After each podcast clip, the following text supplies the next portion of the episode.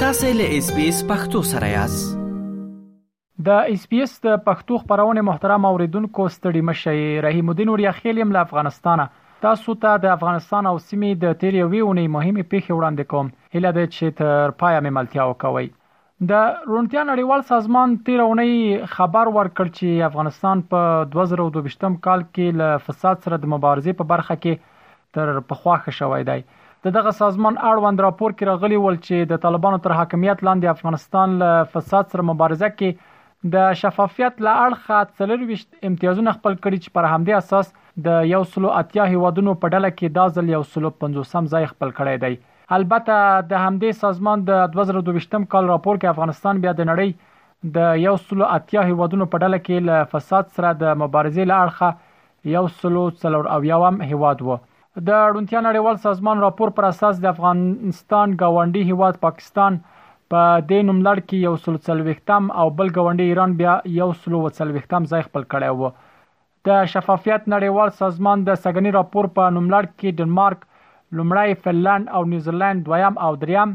او سومالیا بیا یو سلو اتیایم ځای خپل کړی و. د طالبانو حکومت د مالیې وزارت بیا د اړونتیا نړیوال سازمان د دې راپور په غبرګون کې خپاره شوي ارقام نیمګړي وباله او په دې برخه کې یې د دقیقې بیاکتنې غوښتونکي شول. د روڼتیا سازمان هر کال د خپل ارزونې پر بنسټ په دې لیست کې د شامل هیوادونو ته له صفر تر سلو نمرې ورکوي او هر هغه هیواد چې څومره لوړې نمرې ترلاسه کړي په هماغه کچه د شفافیت له اړخه په ښه ځای کې راځي.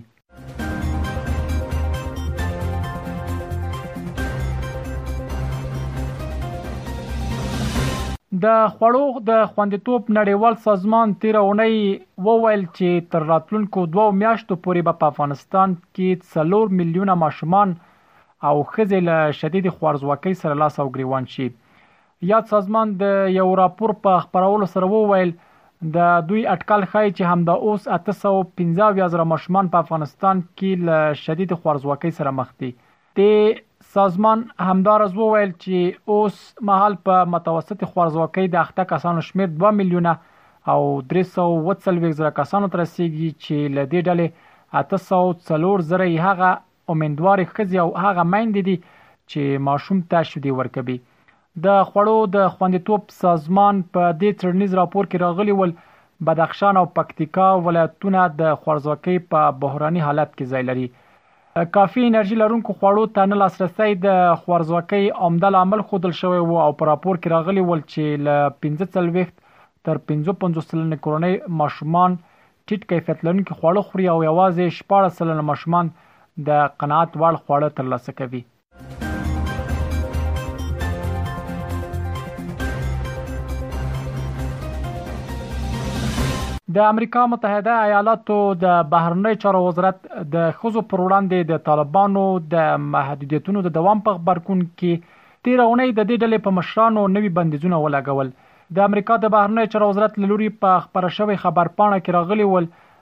د طالبانو پر یو شمېر اوسنیو او پخوانیو مشرانو، د غیر دولتي امنیتي ډلو پر غړیو او نورو هغو کسانو چې ګومان کېږي په افغانستان کې پر ښځو او نجونو د لګول شویو محدودیتونو کې دخیل دي، د ویزې دا نوي بندیزونه لګوي. په خبرپاڼه کې راغلي ول چې د طالبانو دغو ظالمانه اقداماتو کې له پوهنتونونو او په غیر دولتي موسسو کې له کاره د ښځو د راګرځولو لپاره د هغوی پرېکړې هم شامل دي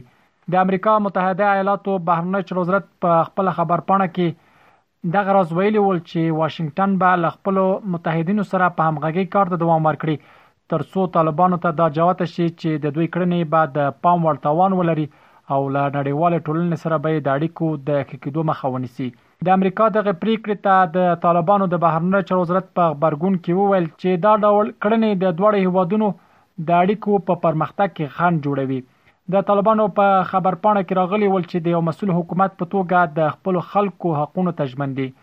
طالبانو همدارس غوښتنه کړې و چې امریکا دې د دوه هوکړې ته ژمن پاتې شي او دوی آماده دي چې د ستونزو د حل لپاره له متحده ایالاتو سره په ټولو اختلافي مواردو بحث وکړي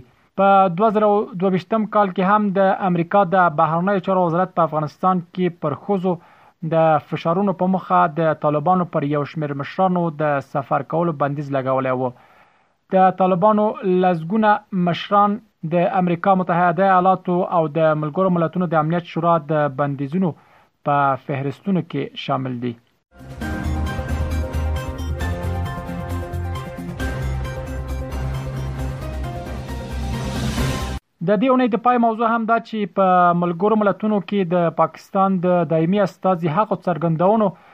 تیرونی خبرګونونه وپارول چې ویلي ول په افغانستان کې د جنونو د زده کړو بندیز تر ډیره کلتوري ستونزه ده د پاکستان سفیر منیر اکرم د ملګرو ملتونو یوې غونډې ته په وینا کې تیر اونۍ وویل هغه بندیزونه چې د طالبان لوري لګول شوي تر ډیره د پښتنو له کلتوري برخې سرچینه اخلي نه له مذهبه ځکه د همدې کلتور لمخې خزي باید په کورونو کې وساتل شي منیر اکرم ویلي ول چې همدغه کلتور په تیرو سلو کلونو کې نه د بدل شوی د ښاغلي اکرم دغو څرګندونو په خواله رسنیو کې بېلابېل غبرګونونه له ځانه پارولي. په ملګرو ملتونو کې د افغانستان دایمي استازي نصیر احمد فیق لیکلي ول، د طالبانو کړنې د افغانستان د خلکو له هېڅ کلتور سره اړخ نه لګوي. د ملالۍ یوسفزۍ پلار بیا په خپل ټویټرپاڼه لیکلي ول، غازي امان الله خان په نولس سوه یوویشت کال کې ښوونځی پرانیستی، کوم وخت چې پاکستان له سره پیدا نه و. د ملي عوامي ګوند د خیبر پښتونخوا مشر ایمل ولي خان ویلي ول چې د پښتنو انجونو په اړه ملګرو ملتونو کې د پاکستان استازي له سپکاوي ډکې څرګندونې د منلو نه دي. هغه لیکلي ول چې موږ پښتانه په خپلو ښځو ویاړو چې د ژوندانه په ټولو اړخونو کې زموږ د سړیو ملاتړ کوي. پنځه سوه ورځې وشوې چې د طالبانو حکومت په افغانستان کې له شپږم ټولګي پورته نجونې له زده کړو منع کړې دي او نږدې شپږ اونۍ کېږي چې پوهنتوني نجونې هم له زده کړو راګرځول شوې دي د ډلې په تازه مورد کې تیرونې د خصوصي پوهنتونونو د کانکور په ازموینه کې د نجونو د ګډون د مخنیوي امر هم ورکړ دغه موضوع هم کوردن او بهر پراخ برګونونه راوپارول او د طالبانو دغه پریکړه یې وغندله دا ول د افغانستان او سیمې د تیر یوې اونۍ مهمې پیښې چې ما تاسو ته وړاندې کړې تر بیا ښې چارې اس پی اس پختو په فیسبوک کې تا کې پلی مطلب یو فاک کړئ نظر ور کړئ او له نورو سره شریک کړئ